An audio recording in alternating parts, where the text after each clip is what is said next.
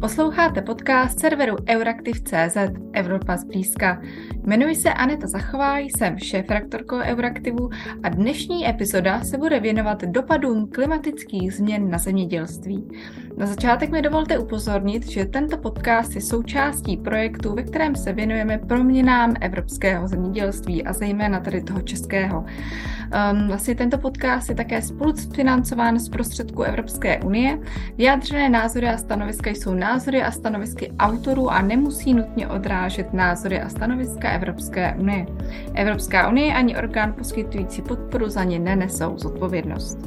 Dnes se tady budeme bavit o tom, uh, jak uh, vůbec zemědělská produkce vlastně čelí dopadům uh, klimatických změn a také třeba o tom, jak zemědělci nám mohou pomoci snižovat emise uhlíku, které patří mezi ty hlavní příčiny eh, oteplování planety. A já jsem moc ráda, že pozvání do dnešní epizody přijal pan Karel Klem, který je vědeckým pracovníkem Ústavu výzkumu globální změny Akademie věd České republiky a který je také expertem na fyziologii rostlin a s nimi spojenou zemědělskou problematiku. Dobrý den, vítám vás v podcastu Evropa zblízka. Dobrý den, děkuji za pozvání. Eh, pojďme se tedy podívat na ty projevy eh, změn klimatu. My vlastně, když o tom slyšíme v médiích nebo i od různých expertů, tak eh, slyšíme, že se to projevuje například extrémními dešti nebo obdobími sucha. To vlastně je něco, co pocituje z každý z nás. Když se ale podíváme přímo na ty rostliny, které zemědělci produkují, tak jak se ta klimatická změna projevuje přímo na nich? Já bych to asi uvedl eh, tím, že klimatická změna má tři úrovně těch dopadů a to je první, eh, kterou, eh, která může být dokonce pozitivní a to je v podstatě zvyšování koncentrace oxidu uhličitého v atmosféře a s tím spojené oteplování. Pokud vezmeme to oteplování jako v průměru, hm, dejme tomu nějaké 2 stupně, nebo pokud to bude horší situace až o 5 stupňů, pořád to nemusí být nějak dramatické pro ty rostliny, protože vlastně mm, dá se změnit spektrum pěstovaných rostlin. Můžeme tady začít eh, pěstovat více eh, teplomilných druhů, většinou to jsou rostliny, které mají trošku jiný metabolismus, eh, C4 na místo C3 metabolismu. To znamená například kukuřice, čirok, ber italský, a nebo můžeme se přizpůsobit tím, že eh, vlastně pěstujeme odrůdy, které jsou odolnější k vyšším teplotám. Eh, na druhou stranu i ta eh, zvýšená koncentrace oxidu uhličitého dokonce má také pozitivní efekt. Ona vlastně je, má jak kdyby hnojivý účinek na rostliny, čili může dokonce zvyšovat produkci. Ale to je, to je ta první úroveň. Pak následuje ta druhá úroveň, kterou už si lidé začínají pomalu uvědomovat a zejména i zemědělci v třeba na Jižní Moravě, ale i v řadě jiných oblastí eh, vidí, že vlastně se nám zvyšuje extremita počasí. Eh, že vlastně eh, se střídají epizody, které jsou suché, epizody, které jsou s vysokými teplotami, s mm, obdobími, kde jsou prudké deště, dlouhotrvající deště, nebo jsou to prostě období i pozdních jarních mrazíků, mírné zimy, tuhé zimy, eh, čili tohle všechno nám způsobuje vlastně spoustu eh, problémů v tom, že tady ten extrémní průběh, ať už na jednu stranu nebo na druhou stranu, tak vlastně může snižovat úrodnost. Když to vezmeme například vysoké teploty, Eh, tak eh, ty jsou velmi problematické, zejména v nějakých obdobích, eh, když to vztáhneme třeba k tomu, co lidé znají, tak kvetení meruněk a přijde mrazík, tak vlastně naprosto je schopný zničit úrodu. A něco podobného u těch vysokých teplot je období kvetení u pšenice, případně i u jiných plodin, jako třeba řepky, kdy v tom kvetení, když přijdou teploty nad 35 stupňů Celsia, tak vlastně dojde k poměrně dramatickému snížení eh, vlastně opilení nebo v té, té, eh, toho počtu semen, které, eh, které jsou schopny vzniknout. Takže zase to ovlivňuje negativně vlastně ten výnos.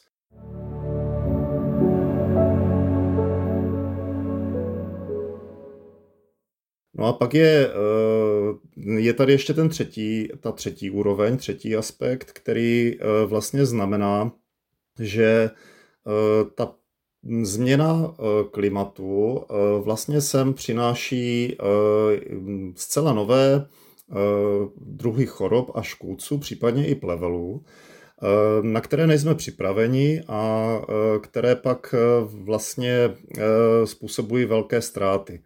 Ono to většinou souvisí s tím, že ty rostliny eh, nebo ty zemědělské plodiny jsou nějakým způsobem už oslabeny mm, dlouhotrvajícím suchem nebo tou kombinací sucha a vysokých teplot. A k tomu se ještě přidávají právě tyhle ty škodlivé organismy, kterým vyhovují tyhle podmínky. Eh, množí se třeba, mají několik generací nebo o několik generací více za sezonu. A Eh, díky tomu zase eh, způsobí pokles produkce. Zase ten nejznámější příklad, který můžeme uvést, tak je vlastně u kůrovce a smrku. Jednak se díky oteplování se zvýšil počet generací tohoto škůdce a jednak samozřejmě to mělo vliv, na to měl vliv vlastně oslabení těch porostů suchem, případně i vysokými teplotami. Takže to jsou ty hlavní asi negativní dopady. A když si trošku vezmeme, ještě možná půjdeme dál, tak eh, to může mít i dopad na kvalitu produkce. Zejména teda, když se podíváme na eh, dopady zvýšené koncentrace oxidu uhličitého, tak se ukazuje, že nám to eh, klidně o nějakých 10 až 15% sníží obsah bílkovin ve zrnu, čili ta produkce, která je určena například pro výrobu chleba, potravinářská pšenice, tak může znamenat eh, vlastně, že eh, bude mít eh, sníženou kvalitu a že z toho nepůjde ten chleba upéct nebo se zhoršenou kvalitou. A takových příkladů může být celá řada. Může to být obsah oleje v nějakých olejnatých plodinách, jako je řepka, slunečnice. Naopak pozitiva můžeme, jako český národ, to, to můžeme pocítit například u sladovnického ječmeně a u výroby piva, protože pro sladovnický ječmen je naopak pozitivní, když je tam hodně škrobů a eh, hodně cukru, ze kterého se produkuje ten alkohol, takže pro výrobu piva a pro kvalitu sladovnického ječmene, což je i pro nás významný vývozní artikl, tak eh, je to, je to naopak pozitivní. Mhm. Eh, znamená to, že abychom se, řekněme, dokázali vyrovnat s těmi dopady, tak skutečně jedním z těch klíčových kroků je začít pěstovat to, co ne úplně přežije, řekněme, ty vyšší teploty, ale co z nich bude naopak benefitovat, to, co prostě jim svědčí. Já začnu trošičku víc ze široka, protože tím, že přišla eh, klimatická změna s těmi všemi negativními dopady, tak se spojil ještě jeden negativní důsledek eh, dlouhodobého intenzivního hospodaření a to je vlastně degradace půdy pokles organického uhlíku a eh, s tím také spojené vlastně mm, oslabení života v půdě. A eh, díky tomu, protože vlastně ta, to zdraví té půdy rozhoduje o tom, kolik se tam udrží vody po dlouhou dobu a případně i kolik, kolik živin vlastně je schopna ta, ta půda dodávat a jakou vlastně může mít obecně úrodnost, tak my jsme se dostali vlastně až někde na hranici, kdy, kdy už eh, vlastně hospodaříme víceméně na nějakém uh, substrátu, který nesplňuje úplně ty podmínky eh, živé půdy. A tenhle ten substrát je strašně závislý právě na těch, na těch extrémech, to znamená na obdobích sucha, ale i uh, třeba vysokých teplot, které to negativně ovlivňují.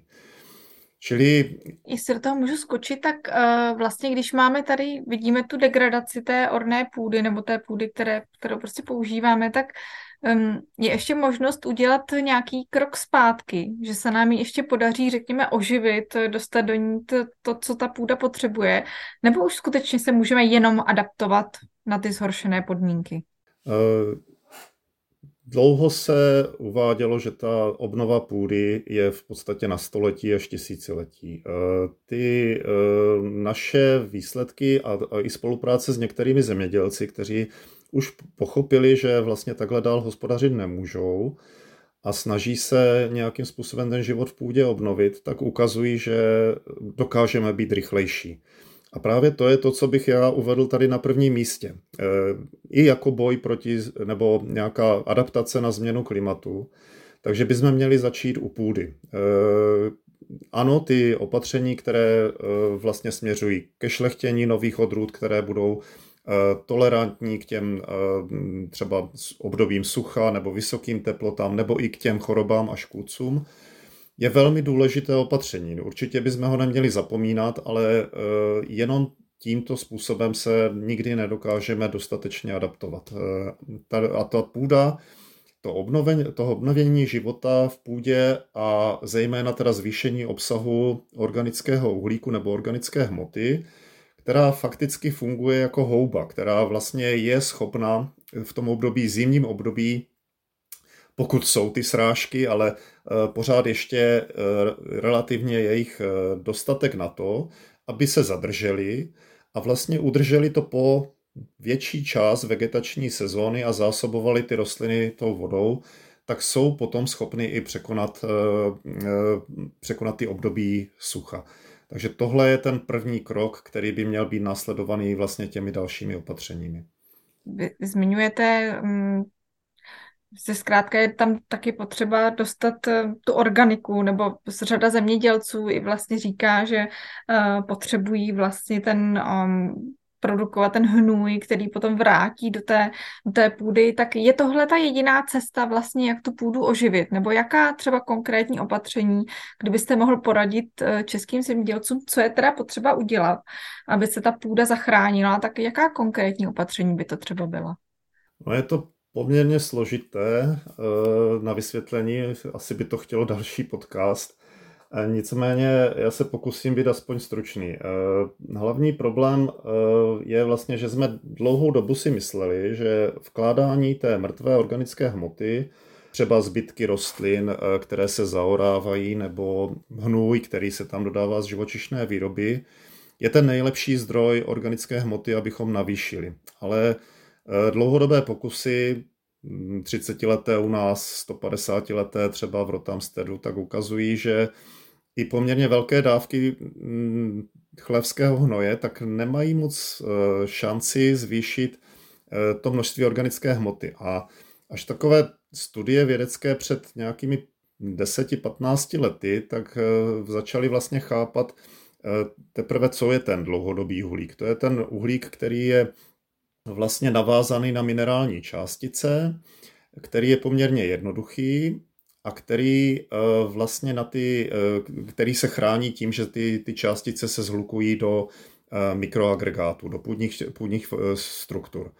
A bohužel ty my narušujeme. Ty my narušujeme tím, že zpracováváme tu půdu a narušujeme tím, že vlastně tam nežijí ty or, mikroorganismy, které to vlastně združují dohromady. To jsou hlavně mykorýzní houby.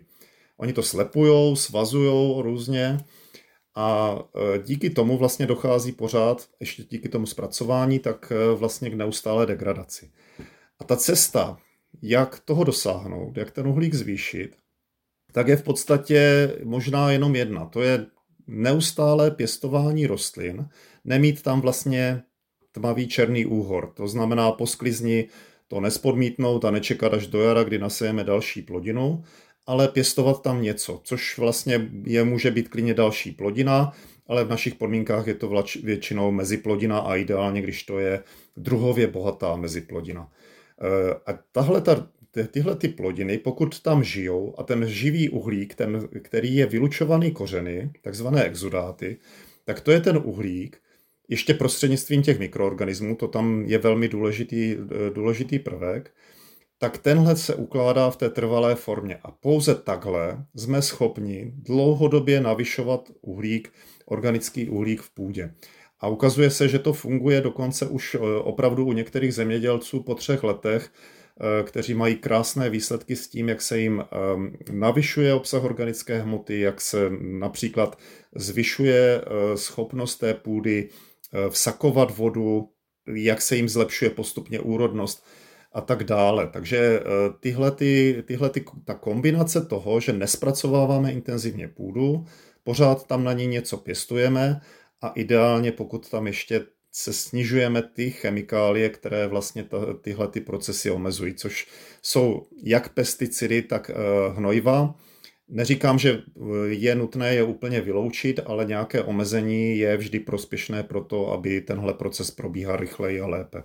Zmiňujete, že vlastně někteří zemědělci, kteří už začali se, řekněme, tomu věnovat více a um, hospodaří zkrátka uh, tak, aby skutečně tu organiku v půdě zvyšovali, um, takže už vidí ty výsledky. Mě by zajímalo, jestli třeba máte nějaký přehled o tom, vlastně jak čeští zemědělci konkrétně třeba jsou ochotní vlastně Eh, třeba i do takových ehm, neúplně experimentů, ale zkrátka do těchto technik eh, vlastně orby nebo vůbec péče o půdu eh, jít. Jestli tady v Česku stále převládá, řekněme, nějaký ten industriální způsob zemědělství, nebo jestli už i třeba vycítíte od těch zemědělců to pochopení, že je zkrátka potřeba udělat něco jinak. Za mě jsou pořád dvě skupiny zemědělců, kteří ta, ta první skupina jako vidí problémy, se kterými se potýká. Zejména to jsou zemědělci, kteří mají pouze rostlinnou výrobu, což je velká výhoda pro ně. To musím říct na úvod, protože většinou ti, co mají nějaké, nebo s tím mají nějaký problém, mají živočišnou výrobu a uh, oni vlastně nedokážou v tuto chvíli uh, ten nový způsob hospodaření skloubit s tou živočišnou výrobou. A tam je ten, ta hlavní rezistence, protože pokud oni produkují hnůj a mají povinnost ho zaorávat, tak okamžitě se dostáváme do rozporu, uh, že vlastně už musí tu půdu kultivovat a už vlastně to nesplňuje ty podmínky pro ukládání uhlíku. A vlastně se paradoxně to, co jsme dříve považovali za nejlepší způsob ukládání uhlíku, tak eh, se stává vlastně problematické, protože eh, ono se dokonce někdy ukazuje, když to zaořou a vnesou tam ten hnůj, zaořou ten hnůj, takže dokonce to stimuluje vlastně k tomu rozkladu, že, že to někdy je i horší, pokud tam toho hnoje ne, eh, vlastně nedávají dostatečně velké množství. Takže Tyhle já naprosto chápu. V těchhle, u těchto zemědělců je to trošičku problematické, Samozřejmě existují způsoby, eh, museli by eh, zcela změnit způsob vlastně eh, hospodaření, to znamená jít do, nějaké, do nějakého typu regenerativní pastvy, snížit koncentraci, vyřešit produkci mléka, dojení u takhle malých stát, což je, je velmi problematické. Takže tam ty problémy určitě nejsou, není to úplně jednoduché ten přechod,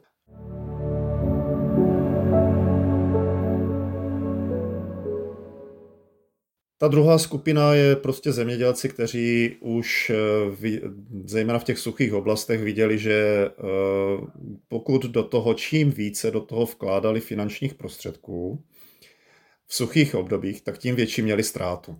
Eh, a většinou jsou to podniky, které jsou poměrně, mají, mají vlastně chytré lidi, ale zjistili, že vlastně čím více se snaží, tak eh, vlastně ekonomicky jim to nevychází. A začali přemýšlet, jak vlastně hospodařit jinak, aby eh, to, to pro, pro ně ekonomicky vycházelo. To je vlastně pro ně většinou největší motivace, i když nakonec eh, de facto oni dělají něco i pro biodiverzitu, dělají něco pro úrodnost půdy, dělají něco pro klimat, protože snižuje emise skleníkových plynů ale ta první motivace je většinou ekonomická. A zjišťují, že e, vlastně dobře, můžou mít nižší výnosy, třeba o nějakých 10 až 20% ale ta ekonomika se jim většinou o nějakých 15 až 20 zvyšuje.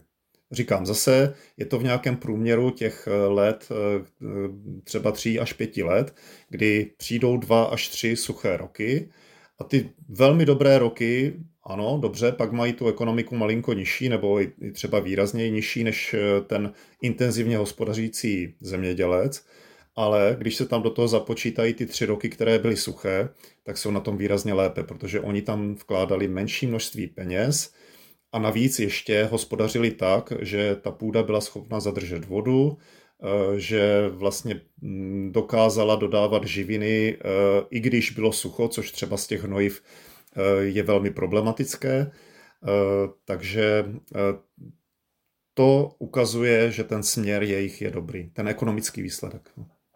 Když se podíváme na společnou zemědělskou politiku Evropské unie, tak eh, Evropská unie se teď ještě víc snaží nějakým způsobem eh, podporovat různé ty ekologické postupy u zemědělců.